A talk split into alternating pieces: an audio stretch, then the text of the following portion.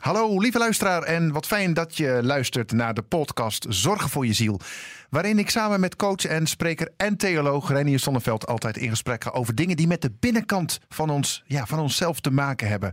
Renier, hallo. Hallo. Ja, bij een podcast denk je altijd moet je goedemorgen, goedemiddag. Want je weet natuurlijk niet wanneer het geluisterd wordt. Goeie, goeie middernacht. Goeienacht misschien wel. Misschien luistert wel iemand om tien over vier uh, ja. s'nachts. Dat zou Goeie kunnen. tien over vier. Goeie tien over vier.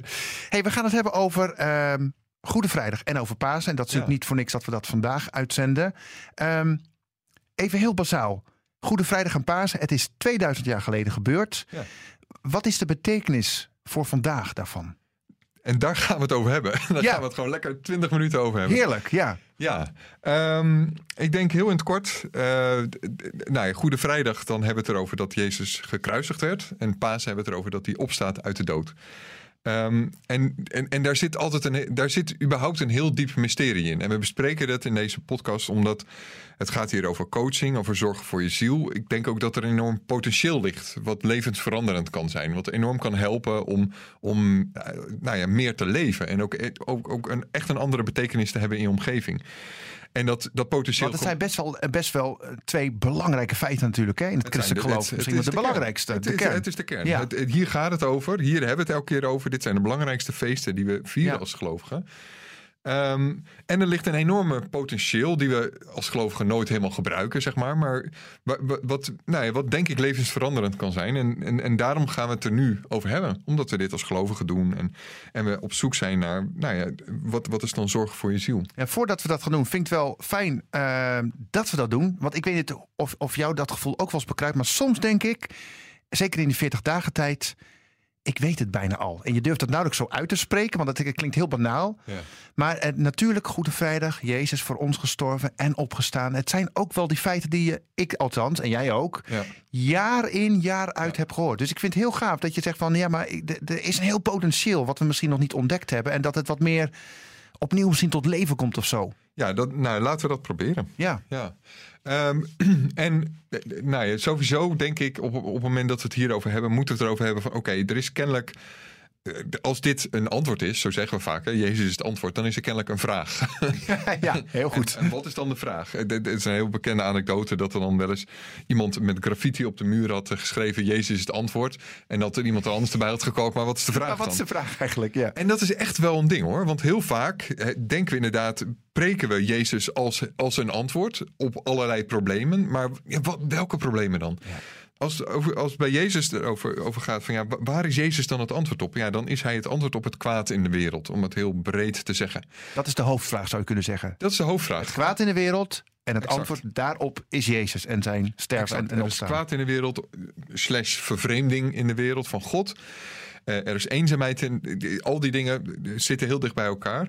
En misschien is het goed om, om bij, als het gaat over kwaad, om dat even te onderscheiden in veel soorten kwaad. Want ik merk dat, of een aantal soorten kwaad. Want ik merk als we over de kruising nadenken, dat we dan heel vaak denken aan specifieke eh, individuele zonden Ja, de zonde, ja. de zonden. Eh, maar er zijn veel meer soorten kwaad waar wij onder lijden. Dus ja, er is zoiets als individueel kwaad of iets wat wij persoonlijk doen, waar, waar, waar wij actief voor kiezen. Maar we lijden vaak ook onder sociale vormen van kwaad. Iets wat in een, in een groep speelt. Noem eens een paar voorbeelden van dat sociale kwaad bijvoorbeeld. Eh, nou, ja, nou ja, het eerste waar ik aan ik denk is, is, eh, is misbruik. Toevallig omdat, ik vanochtend iemand sprak die, die daarmee te, te maken had. Maar wat daar dan speelt is niet alleen, ja, er is een misbruiker en er is iemand, er is een slachtoffer die wordt misbruikt, maar er gebeurt ook van alles tussen die twee. En er gebeurt, er is iets in de hele omgeving. Er is, er is een soort ontkenningscultuur, zou ik maar zeggen. ja, ja, ja. En ja, dat is individueel, maar er hangt ook als het ware dan iets in de lucht. Bijna een soort van groepsdynamiek of zo ook, hè? Ja, je kan het ook misschien wat groter als het gaat over handelsketens bijvoorbeeld. Ja, dat zijn, weet je, al die mensen doen, eh, eigenlijk kun je vanuit gaan, gewoon hun best. In, hele, in, in al die ingewikkelde handelsketens, in de grote bedrijven doet iedereen gewoon hun best. Het zijn bijna altijd wel integere mensen. Niemand zit bewust, nadrukkelijk eh, kwaadaardig te doen. Maar als geheel eh, eh, zit er toch uiteindelijk, is de uitkomst toch onrechtvaardig. Weet je, wel, het is ja. onrechtvaardig als ik een spijkerbroek voor 100 euro zou kopen en degene die het maakt krijgt er 10 cent voor. Dat voel je aan dat dat niet klopt. Dus dan is het kwaad ja, systematisch of systemisch geworden. Is, Jij noemt het wel een vorm van kwaad. ja, zeker, want van- dat klopt niet. Ja. Het is onrecht. Het is, het is niet hoe God het wil natuurlijk. Dat, dat daar iemand honger lijdt terwijl ik 100 euro voor die broek, voor de broek die hij of zij heeft gemaakt. Ja, ja, ja. ja. Dus dat is een andere vorm van kwaad. En ook daar is Jezus voor gestorven. Dan is er nog een vorm van natuurlijk kwaad, zou je kunnen zeggen. Om, ik noem het maar even zo. Maar dan denk ik aan alles als ziekte en dood. Dus ook daar lijden we onder. En ook daar is Jezus voor gestorven. ja, in de zin ziekte, dood, maar ook verval, eh, ouderdom. Aardbevingen, eh, enzovoort, enzovoort. Verval, inderdaad, desintegratie, eh, vergeetachtigheid, noem maar op. Al Ja, die ja. dingen die ons lijf treffen. En er is denk ik nog een vorm wat, nou, dat zou je bovennatuurlijk kwaad kunnen noemen. Dus er speelt ook nog zoiets bij wat in de Bijbel demonen wordt genoemd, duivels, ja, de geestelijke strijd. eh, Exact. Machten ja, ja. en krachten noemt Paulus dat vaak. Dus een heel, eigenlijk een heel ongrijpbaar gebied van wat bovennatuurlijk is en wat op onze, eh, in onze werkelijkheid inbreekt. En, Ja, en ook onzichtbaar, behalve de gevolgen, zullen we zeggen. Ja, ja, ja. En iedereen heeft daar zijn eigen theorie over, maar eigenlijk de hele christelijke traditie en trouwens ook moslims en joden en hindoes zijn het erover eens dat er een soort bovennatuurlijke werkelijkheid is die kwaadaardig is. Ehm, en die enige invloed heeft op wie wij zijn. Dus er, is een, er, is een, nou ja, er zijn op zijn minst vier categorieën, om het zo maar te zeggen, van kwaad, waar Jezus allemaal op reageert en waar hij iets aan doet. In één specifieke gebeurtenis in de geschiedenis. Komt daar, komt dat bij elkaar, zou je kunnen zeggen. Dus al die vormen van kwaad komen, nou ja, vertegenwoordigers daarvan. Eh, dus bijvoorbeeld eh, Pilatus is een soort vertegenwoordiger van eh, sociaal kwaad, zou je kunnen zeggen. Het Romeinse Rijk is eigenlijk één groot systeem waarbij iedereen wel min of meer zijn best deed. Ja, maar toch zit er die wortel van kwaad ook in. Hè? Die, die- Ja, ja. en het is een, het is een groep, het is, het is een heel systeem wat, wat bijvoorbeeld tientallen miljoenen slaven uitbuiten, bijvoorbeeld. Eh, er zitten heel veel persoonlijke keuzes van, eh, van, eh, van Pilatus bij, want hij had wel degelijk anders kunnen kiezen. Eh, er speelt ook, ehm, nou, Jezus worstelt ook met bovennatuurlijke dingen, merk je op allerlei manieren. En er speelt natuurlijk kwaad in de zin dat hij eraan kapot gaat en sterft. Mhm. Dus specifieke vormen van al, die, van al die soorten van kwaad komen hier, duiken op Jezus' nek, zal ik maar zeggen. Ik, ik wil er even een soort plaatje van maken. Want jij schetst Ja. eh, een aantal vormen van kwaad. Nou, dat is heel helpend hoe je dat doet, vind ik. Ehm, voor, natuurlijk, wij weten als christen allemaal... Jezus is gestorven daarvoor. Ja. Stel dat jij nu een, st- een stukje, een stukje afstand zou nemen... en je zou eh, van een afstand naar dat plaatje kijken. Kun je dan eens uitleggen... maar wat gebeurde er dan toen Jezus leed en ook stierf? Ja. Als je dat van een afstand zou bekijken, wat, net zoals je dat kwaad nu schetst, wat, wat is het tegengif van Jezus dan, als je dat zo kan zeggen? Met andere woorden, Ja. we weten dat hij stierf, maar ik wil het van een afstandje. Wat gebeurde daar dan? En waarom was dat dan toen zo belangrijk? En nu dus ook. Ja, misschien zou je het kunnen vergelijken met een. Het, het is iets als een test. Jezus wordt hier eh, ultiem getest. Door, is- door wie? Door, door eh, God? door al die soorten van kwaad. Oh, oké. Ja, ja. ja. Eh, er wordt hij enorm onder druk gezet. tot het uiterste onder druk gezet. Maar hij blijft liefde en leven. Dus hij blijft op de, de- het koninkrijk van God. Hij blijft vol van God. Kan je zeggen dat dat al eerder in zijn leven begon? Ik moet namelijk denken Zeker. aan die verzoeking in de woestijn. Dat is dezelfde categorie eigenlijk. Ja, en- Verleiding, en dit is daar de ultieme variant van. Dus je Ja, ziet ja. zijn hele leven zou je als een soort test kunnen zien. Waarbij alles wordt geprobeerd om God uit hem te slaan, zou ik maar zeggen. En om de liefde en het leven uit hem te krijgen.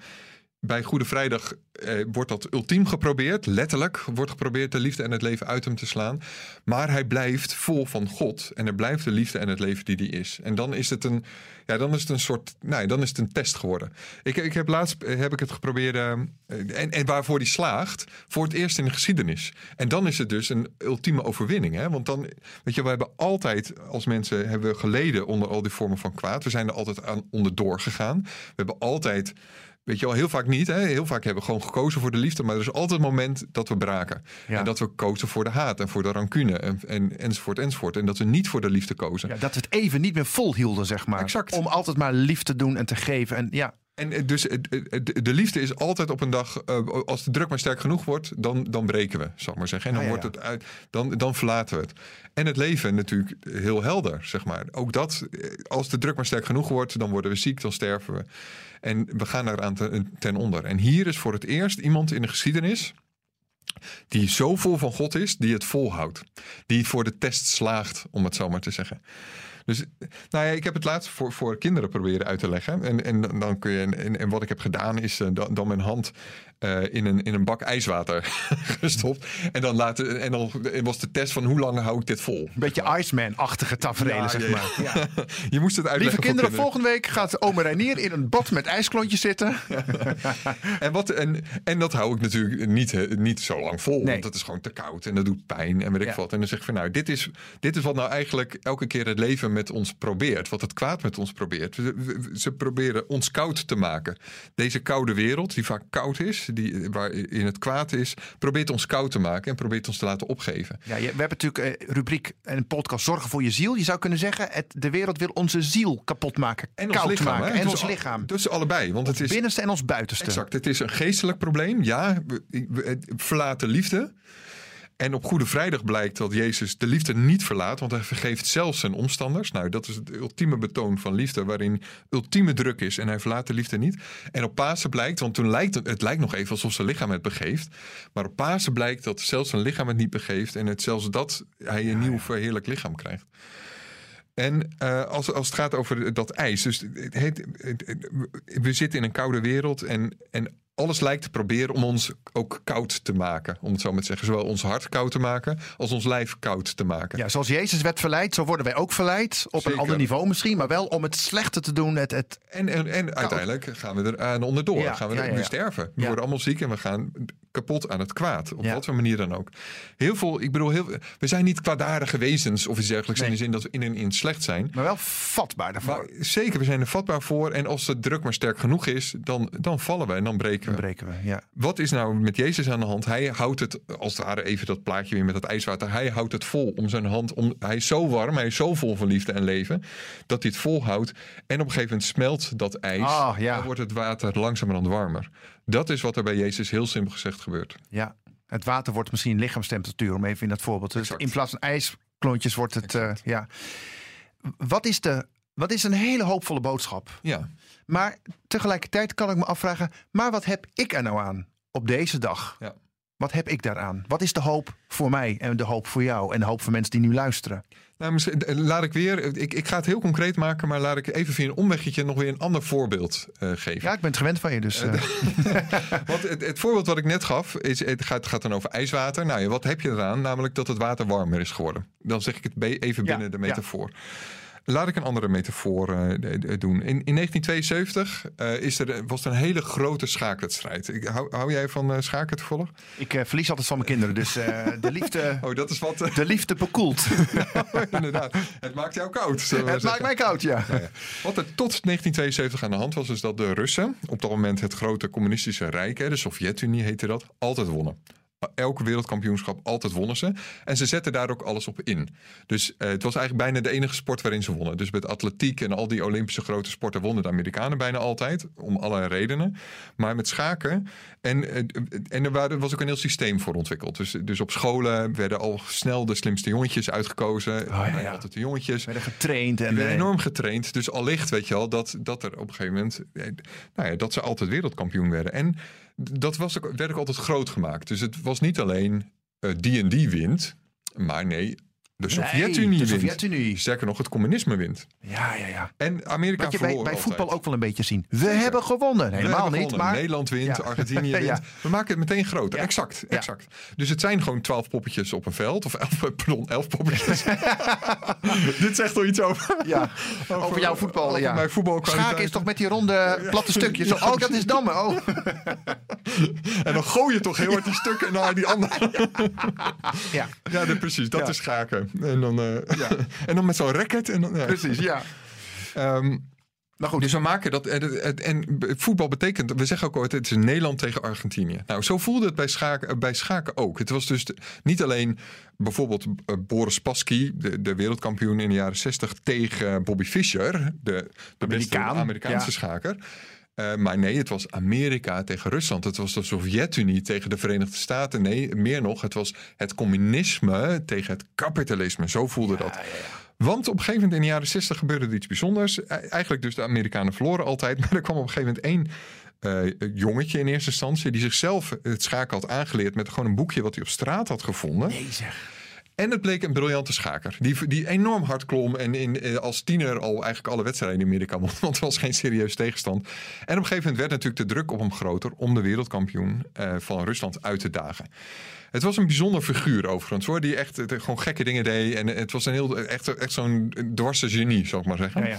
Een beetje een nerd. Kan je dat zo zeggen? Ja, zeker ook. Zeker, zeker. En, maar op een, op een nogal uitbundige manier. En uh, Bobby Fischer hebben we het dus over. En op een gegeven moment gaat hij inderdaad uh, Rusland uitdagen. De wedstrijd wordt gehouden in IJsland. Een soort van neutraal gebied ertussenin. En het, inderdaad, eh, de pers komt erbij. Uh, het, het, wordt enorm groot. Dus ook echt tientallen journalisten komen oh. erbij.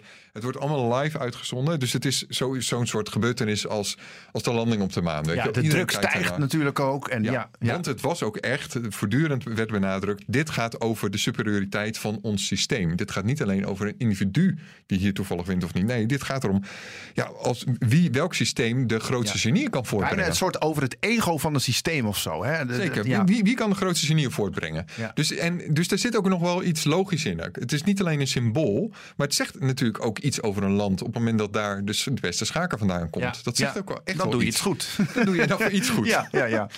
Nou, het, het ging, uh, het ging uh, aan het begin echt dramatisch. Dus ik geloof zelfs bij de tweede wedstrijd liep hij gewoon na, na twee zetten weg. gaf hij, want hij had echt een belachelijke weggever gedaan die jij en ik niet eens zouden doen. Dus iedereen zonk de moed in, in de schoenen van nou, Amerika, het kapitalisme, ons systeem gaat verliezen. Bij de derde wedstrijd kwam hij terug, uh, won die. En ik geloof bij de zesde wedstrijd doet hij, die wordt vaak nog genoemd als mooiste wedstrijd ooit. Met meest briljante zetten ooit. Want hij doet daar iets ongelooflijks. En ik geloof na 13 wedstrijden wint hij het inderdaad.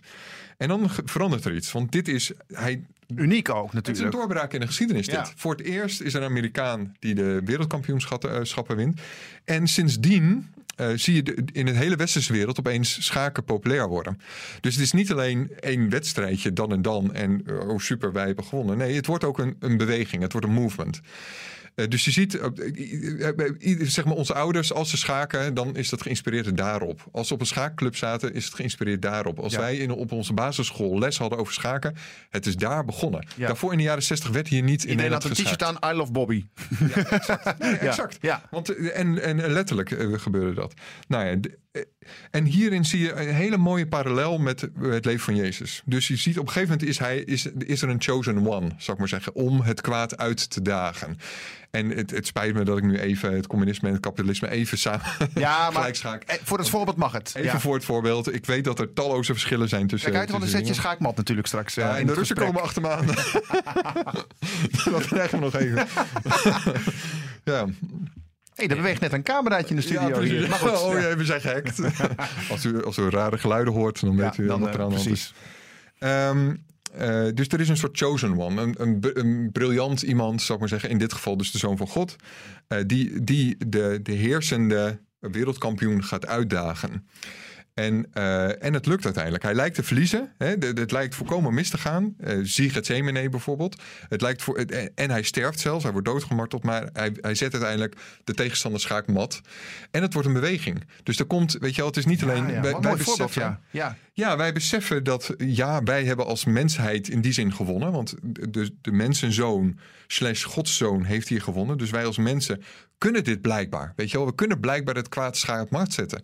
Niet per se meteen in ons leven, maar er is iets gebeurd waardoor het is een doorbraak in de geschiedenis. Ja, ook niet als een soort quick fix natuurlijk, maar nee, natuurlijk niet, we kunnen het. Dat is wel heel hoopvol inderdaad. Exact, weet je wel, er is iets nieuws gebeurd. We, we kunnen winnen, in dat geval van de, communisme, eh, van de communisten. En we hebben nu voor het eerst gezien dat wij kunnen van het kwaad winnen. Iemand heeft onder de hoogste druk, heeft de liefde volgehouden en heeft het leven volgehouden. En dan komt er een soort beweging. Er kwamen allemaal schaakclubjes in het geval van Fischer en, en Spassky.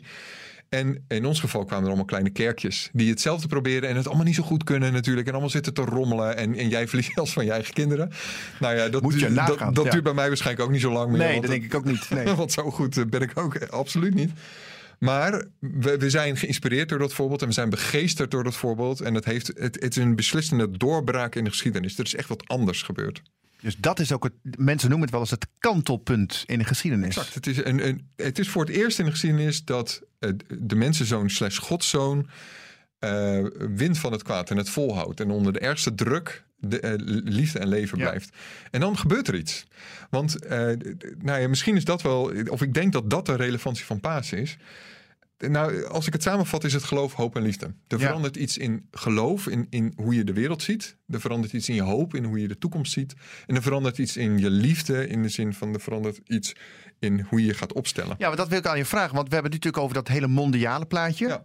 Maar tegelijkertijd ehm, eh, hoor je wel eens van mensen die radicaal tot geloof komen. Of gewoon via een soort groeibeweging tot geloof komen. Mhm. Dat ze in zichzelf ook die verandering eh, meemaken. De, de Bijbel spreekt over, Ja. eh, ehm, hoe was het nou precies? In ieder geval de macht van het kwaad naar eh, overgezet. Zegt, ja, Ja, jij bent theoloog. hè? Ik loop hier te stamelen en te stotteren. Nee, Ja, maar dat Paulus zegt, hij is overgezet in het koninkrijk van het licht. Het staat zeker. ergens in de Bijbel. Vraag aan jou is: wat, wat als dat gebeurt met iemand, wat voor gevolg heeft dat? Hoe die, hoe die kijkt, inderdaad. Of hoe zijn Nou ja, geest verandert, weet Ik, je wel? ik begon er al mee dat het een potentieel is wat is losgekomen op dat moment. Dus het is sindsdien weten we dat het mogelijk is om de liefde zo lang vol te houden en de leven. Om, eh, omdat het leven altijd kan winnen. Dat betekent niet dat we dat elk moment daar toegang toe hebben, zou ik maar zeggen. Of dat we dat elk moment ook wij dat kunnen. Wij kunnen niet zo goed als Fischer eh schaken. Nee. Maar we kunnen er wel naar kijken en we kunnen daardoor geïnspireerd raken. En we, kunnen, en we weten dat het kan. Dus we weten dat, dat het, we zitten niet meer ehm, in een wereld waarin eh, het Spassky slash het communisme het, het uiteindelijk voor het zeggen is, heeft, even op het gebied van het schaken. Ja, ja, ja. ja. Ehm, maar we leven nu in een wereld, als het gaat eh, geestelijk, waarin God het uiteindelijk het voor te zeggen heeft. Van dat gebeurt daar. Dus hè, de, de vertegenwoordiger van God, die wordt onder de hevigste druk gezet om te falen en om de liefde en het leven vol te houden. Maar die wint. Dus God wint Beetje uiteindelijk. Victory Day ook haast, hè? Ja, We exact. hebben Terwijl- gewonnen. Exact. Terwijl de vertegenwoordiger van de grootste menselijke macht en de grootste kwade macht op dat moment, namelijk Pilatus, die, die het Romeinse Rijk vertegenwoordigde. Er was nog nooit zo'n groot systeem geweest wat nooit, nog nooit zoveel kwaad had voortgebracht als het Romeinse Rijk.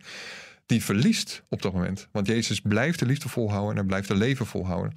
En dat zegt dus iets, allereerst dus over hoe ziet de wereld eruit, over je geloof. Wat, wie, wie- wat is hier het sterkste? Namelijk, nou, de liefde en het leven. Dat is hier het sterkste. Ja. En om het, in het voorbeeld God te, dus. ja, om in het voorbeeld te blijven. Hoe fantastisch zou het zijn als je daar als eh, klein jongetje die schaakwedstrijd ziet van Ja. Bobby en zijn tegenstander. En, en dat je op een gegeven moment, eh, dat Bobby op een gegeven moment zegt, ja, maar hij hoort bij mij. Dat moet een beetje denken met Jezus. Ja, weet je wat? Die zeker. ook zegt van, Zeker. ik, ik hoor bij hem. Ja, het is, hij, hij is van ons. Hij Het is van ons. Hij is van ons en ik ben van hem inderdaad. Zeker. Ja, Het, is, eh, eh, het, het is van onze club. Die heeft gewonnen. ja, ja, ja, ja. En we kunnen zijn, eh, zijn, zijn wedstrijden analyseren. Zoals wij het leven van Jezus bekijken. En, daar, en nee, we worden nooit zo goed. Maar we kunnen er wel van leren. En we, en we hebben die hoop. Dus dat is het, dat is het andere. We weten ook, niet, niet alleen is het een geloof van... ja, God is uiteindelijk de sterkste. God zal uiteindelijk winnen. De liefde zal uiteindelijk winnen. Het leven zal uiteindelijk winnen. Di- dit zegt ook iets over de toekomst. Dit zegt dus Ja. iets over elke, elke situatie is dat blijkbaar iets wat ligt die mogelijkheid er blijkbaar. In elke situatie ligt er de mogelijkheid dat daar de liefde en het leven zullen winnen. Ja, ik ben het met je eens. Tegelijkertijd zie ik een realiteit, soms ook in mijn eigen leven, maar van Mhm. christenen die zeggen van, ik kan dat gewoon niet. En kan het ook geen blokkade zijn? Als je ziet dat Jezus dat zo eh, eh, Ja. triomfantelijk, zo fantastisch goed heeft gedaan, dat je, dat je juist een beetje dichtslaat. Ik bedoel, wie ben ja, jij en ik dan eh, met ons nou gestumpel en, en eh, snap je? Zeker. Dus allereerst, eh, Bobby Fischer was ook in zijn dertiger, was dertiger of veertiger zelfs, volgens mij, voordat dit hem lukte. Jezus was dertiger. Voordat hij, als tweejarig jongetje had hij dit nooit gedaan. Het is, er is een reden waarom hij in de dertig was, voordat hij dit deed. En, en waarom hij niet getrouwd was. Want, weet je wel, Ja. want hij had er waarschijnlijk niet eens tijd voor gehad. Met, Ja. met een gezond huwelijk en Hij had kinderen. één missie. Hij had En, één missie. Ja. En, eh, en Bobby Fischer had natuurlijk ook een huwelijk van niks. Want ja, hij had één missie. Ehm, en voordat je zo goed was als Bobby Fischer, ja, dat is een leven lang klussen. Nou ja, voordat je zo goed wordt, zal ik maar zeggen, als Jezus, dat is een leven lang klussen. En dat gaat je in die zin nooit lukken. Maar het is wel een, een perspectief. maar dat hoeft je dus niet apathisch te maken, zeg je. nou, het hoeft je niet apathisch te maken in de zin van, je weet dat het al gebeurd is. Dus die, weet je, je hoeft er niet na te doen. De doorbraak hoef je niet te doen. Bobby Fischer heeft al gewonnen, om het zo te zeggen. Jezus heeft al gewonnen. Dus je hoeft het niet na te doen. Er is al een wereldkampioen. Ja. Dus, dus de, de, de, de, de, huidige eh, de- de- de leider van de wereld is al afgezet en ontroond. Er is al een nieuwe leider van de wereld. Dus dat geeft in geval Nou ja, het, is, het opent, ik, ik ga het een beetje vaag zeggen, maar het opent een potentieel in elke situatie. Je weet dat het zou kunnen en dat er een mogelijkheid is. Dat er als het ware in elke situatie is er een sluipweggetje waarin je het op zijn minst richting de, eh, de liefde en het leven kan bewegen. Ja, met ook die prachtige tekst, maar ook zo moeilijk. Overwin het kwade door het goede. Exact. Want dat is Ja. eigenlijk, als ik jou zo hoor, Dat is wat wat Jezus, Jezus doet, hè? ons elke dag in ons oor fluistert. Doe het goede. Ja. Blijf het. Ja, je wordt tegengewerkt. Ja, het, de situatie was niet eerlijk. Nee, je wordt niet gezien door hem of haar. Exact. Maar blijf het goede doen. Maar dat, is precies wat Jezus doet bij de, bij de kruising. Hè? Overwin het kwade door het goede. Dat is exact wat er gebeurt. Ja. Dus hij, hij houdt vol. Ontmaskert daarmee het kwaad. Laat zien waar het, toe het kwaad ontstaat is. Maar, en put het kwaad ook uit. Omdat hij volhoudt. Het kwaad heeft op een gegeven moment geen mogelijkheden meer. Want ja, het kwaad kan hem zelfs doodmaken. Maar dan staat hij op uit de dood. Ja, ja, ja, ja, ja. Ja, het, is, het is bijna grappig, zeg maar. Weet je, je, ziet, je ziet me alles proberen om hem kapot te krijgen. het, En lukt, het lukt maar niet. het lukt maar niet. Nou, Ja, dat dus vond ik ook zo bijzonder wat je net zei. Dat, dat, dat het kwaad probeerde om het leven en de liefde uit hem te slaan. Want dat gebeurde ook bijna letterlijk natuurlijk. Hè? Het, het, het gebeurde letterlijk. In het, in het natuurlijk. mishandelen, ja, het gebeurde Ja, letterlijk. Zeker. Ze proberen hem koud te maken eh, in die andere vergelijkingen. Ze proberen de, de, de warmte uit hem te krijgen, de, de, de, gloed uit hem te krijgen. Ze proberen God uit hem te krijgen, anders gezegd. En dat lukte niet. Dus God en mens bleven verbonden in Jezus. Hemel en aarde bleven verbonden. In Jezus gingen zich zelfs nog meer aan elkaar verbinden in zijn opgestane lijf. Dus het werd als het ware helemaal vermengd Ja, ja, ja. in hem. En daarmee is hij een, ja, is die een doorbraak. Dus het, het, het, het lijkt zoiets als. Je zou het ook nog weer kunnen vergelijken met een dijkdoorbraak. Dus weet je, bij een dijkdoorbraak is het ook niet meteen aan het begin dat het hele land onderstaat. Nee, Weet je wel, dat is Beetje bij die beetje. Plek, beetje Ja. bij beetje. Daar op die plek vermengt water. Dat is dan even symbool voor de hemel, zou ik maar zeggen, zich met het land. Wat ik dan even maar symbool voor de aarde noem. Daar begint het. Maar vervolgens wordt het steeds breder en groter. En uiteindelijk, en dat is de verwachting. Hè? Dus Jezus zou je kunnen zeggen, is een eens, eenspersoonsparadijs. In hem zijn hemel en aarde vermengd, verbonden aan elkaar. Hij was Gods zoon, zeggen we dan. Hij voluit mens en go- voluit God. En dat opent de mogelijkheid dat er binnenkort een, een aardevullend paradijs Ja, zal ja. komen. Laatste vraag voor nu. Ehm, wat is wat jou betreft de grootste blokkade om dit echt tot je te nemen? Weet je, ouderwets heet dat dan toe-eigening des heils, weet je wel? Ik zie zoveel christenen worstelen met ja, eh, hij heeft het gedaan voor mij, maar ik kan het me niet eigen maken. Of ik blijf me schuldig voelen naar God. Terwijl ik denk, dat moet voor God eh, heel erg zijn. Dat, dat, dat God zegt, ik heb alles gedaan voor jou. Ik heb alles betaald. En jij blijft maar zo zeuren over jouw eigen, eigen kleinheid, weet je wel? Ja. Als een vader die zijn kind bang voor hem ziet zijn. Wat is de grootste blokkade die er tegenkomt? En wat, wat, wat zou je ermee kunnen doen? Nou, ik ben eigenlijk wel benieuwd wat, wat, wat jouw eigen antwoord is. Wow, de rollen worden omgedraaid. ja, het is een diepe vraag, hè? Ehm, wa- wat ik zelf denk, althans als ik naar mijn eigen leven Ja. kijk, dan is het de blokkade dat je toch altijd zelf wil proberen en, en doen. Dat je eigenlijk dus misschien wel te goed voelt voor een redding, een redding van iemand anders. Ja, Ja. ik moet Of even. wantrouwen, hè, ja, dat kan het dan ook zijn. Dat je eigenlijk denkt van, ik weet niet zeker of dit, of, of dit hem wel wordt. ja, Zoiets. net als Peters met die voetenwassing, die zegt van nou nee, bedankt. Het is zo. eh, Jezus dwingt je op een bepaalde manier om kwetsbaar te worden, om toe te geven. Ik heb het geprobeerd. Ik heb gepro- geprobeerd om vriendelijk te zijn. Of ik heb geprobeerd van een of andere verslaving los te komen. Het lukt mij niet. Ja. Ik, ik moet het loslaten. Ik kan het niet. Helpt Ja. u mij? En dat, ik denk dat dat heel moeilijk is voor mensen. Ja, en, en zeker. Ik denk zeker dat dat, dat meespeelt. Mijn zoontje van drie zegt steeds zelf doen, zelf doen. En als volwassene zegt dat ook tegen God. Ik wil het zelf doen, weet je wel? Ja, en er zit ook iets goeds in, hè? want je moet het voor een deel ook zelf doen. In de zin van, ja, ja jij zult eh, liefdevol moeten zijn, zeg maar. Ja, ja, ja, ja. Eh, en ik denk wat er op zijn minst ook meespeelt, is dat het ook gewoon moeilijk is. In de zin van, ja, het is 2000 jaar geleden gebeurd. Je ziet het nu niet direct. Nee. Weet je wel? Dus het, het vergt echt een bepaald vertrouwen, waarin je jezelf elke keer moet trainen en elke keer daar moet, nou, moet toeleven, zou ik maar zeggen. En ik denk dat daar ook wel een soort eh, angst mee zit in de zin van je hebt ook echt wat te verliezen. Weet je op het moment dat je rancuneus bent, ja, dat doe je voor een deel eh, is dat een soort kwaadaardigheid of, of, of gewoon echt niet wat echt niet oké is in je karakter. Maar het is ook een soort zelfbescherming, rancune. Want je, je bent beschadigd. Iemand die rancuneus is, is beschadigd. Dus die heeft die woede en dat voortdurende vasthouden aan die woede nodig om, althans denkt dat nodig te hebben, om zichzelf te beschermen. Nou, dat is zo. Eh, Waar tegen te beschermen dan? Nou tegen wat dan ooit is in het verleden is gebeurd. Ja, en tegen opnieuw misschien zo'n ervaring. Exact, weet je wel. Dus, dus je gaat, iemand die rancuneus is, gaat als het ware in de aanval en gaat gewoon tegen alles boos zijn, want dan, dan gaat het er van nooit meer gebeuren. Dus er zit ook, weet je wel, het is niet per se kwaadaardigheid wa- wat, waarom mensen dit soort dingen niet kunnen aannemen. Nee, dat is de goede bedoeling achter, eh, zeg je. Ja, dus eh, heel veel mensen die zijn, die zijn gewoon, we zijn allemaal zijn we beschadigd en hebben gewoon zitten allemaal vast in patronen, waardoor het gewoon ontzettend lastig is om vol, eh, nou ja, vol vanuit dat besef te leven. Ja. Sterker nog, niemand doet dit. Weet je wel, niemand leeft vol vanuit dit besef. We zijn allemaal Jezus maar niet. om wat ik dan wel mooi vind, daar moet ik nu in één keer aan denken. Ook dan zegt Jezus tegen ons, maar ik geef niet op. Nee, zeker. Ik ga door en ik ga Nee, door en ik ga door. Ja. Zeker. En, en hij doet het uiteindelijk. Hè? Dus het is, hij heeft die doorbraak geleverd. Hij is de Bobby Fischer, om in de, Ja, ja, de vergelijking. En uiteindelijk nou ja, schept hij hele, hier een hele nieuwe wereld. Waarin, want hij heeft getoond dat het mogelijk is. Hij was het eenspersoonsparadijs. Uiteindelijk zal hier een, een aardevullend paradijs komen. Super, dankjewel. Dankjewel voor dit gesprek. Ja joh. Was verhelderend. Blikken even uit naar voor, eh, we blikken even naar vorige, volgende week over woede. Je gaat me toch alsjeblieft niet vertellen dat je als christen niet boos of woedend mag zijn. Hè? Want het is af en toe zo fijn, vind ik hoor. Zeker, zeker. Dus, dus dat, eh, dan ga je dat gewoon heel vaak eh, even benoemen. Als het een beetje te soft wordt, dan mag jij dat gewoon elke keer zeggen, oké? Goed, dankjewel en tot volgende week. Hoi.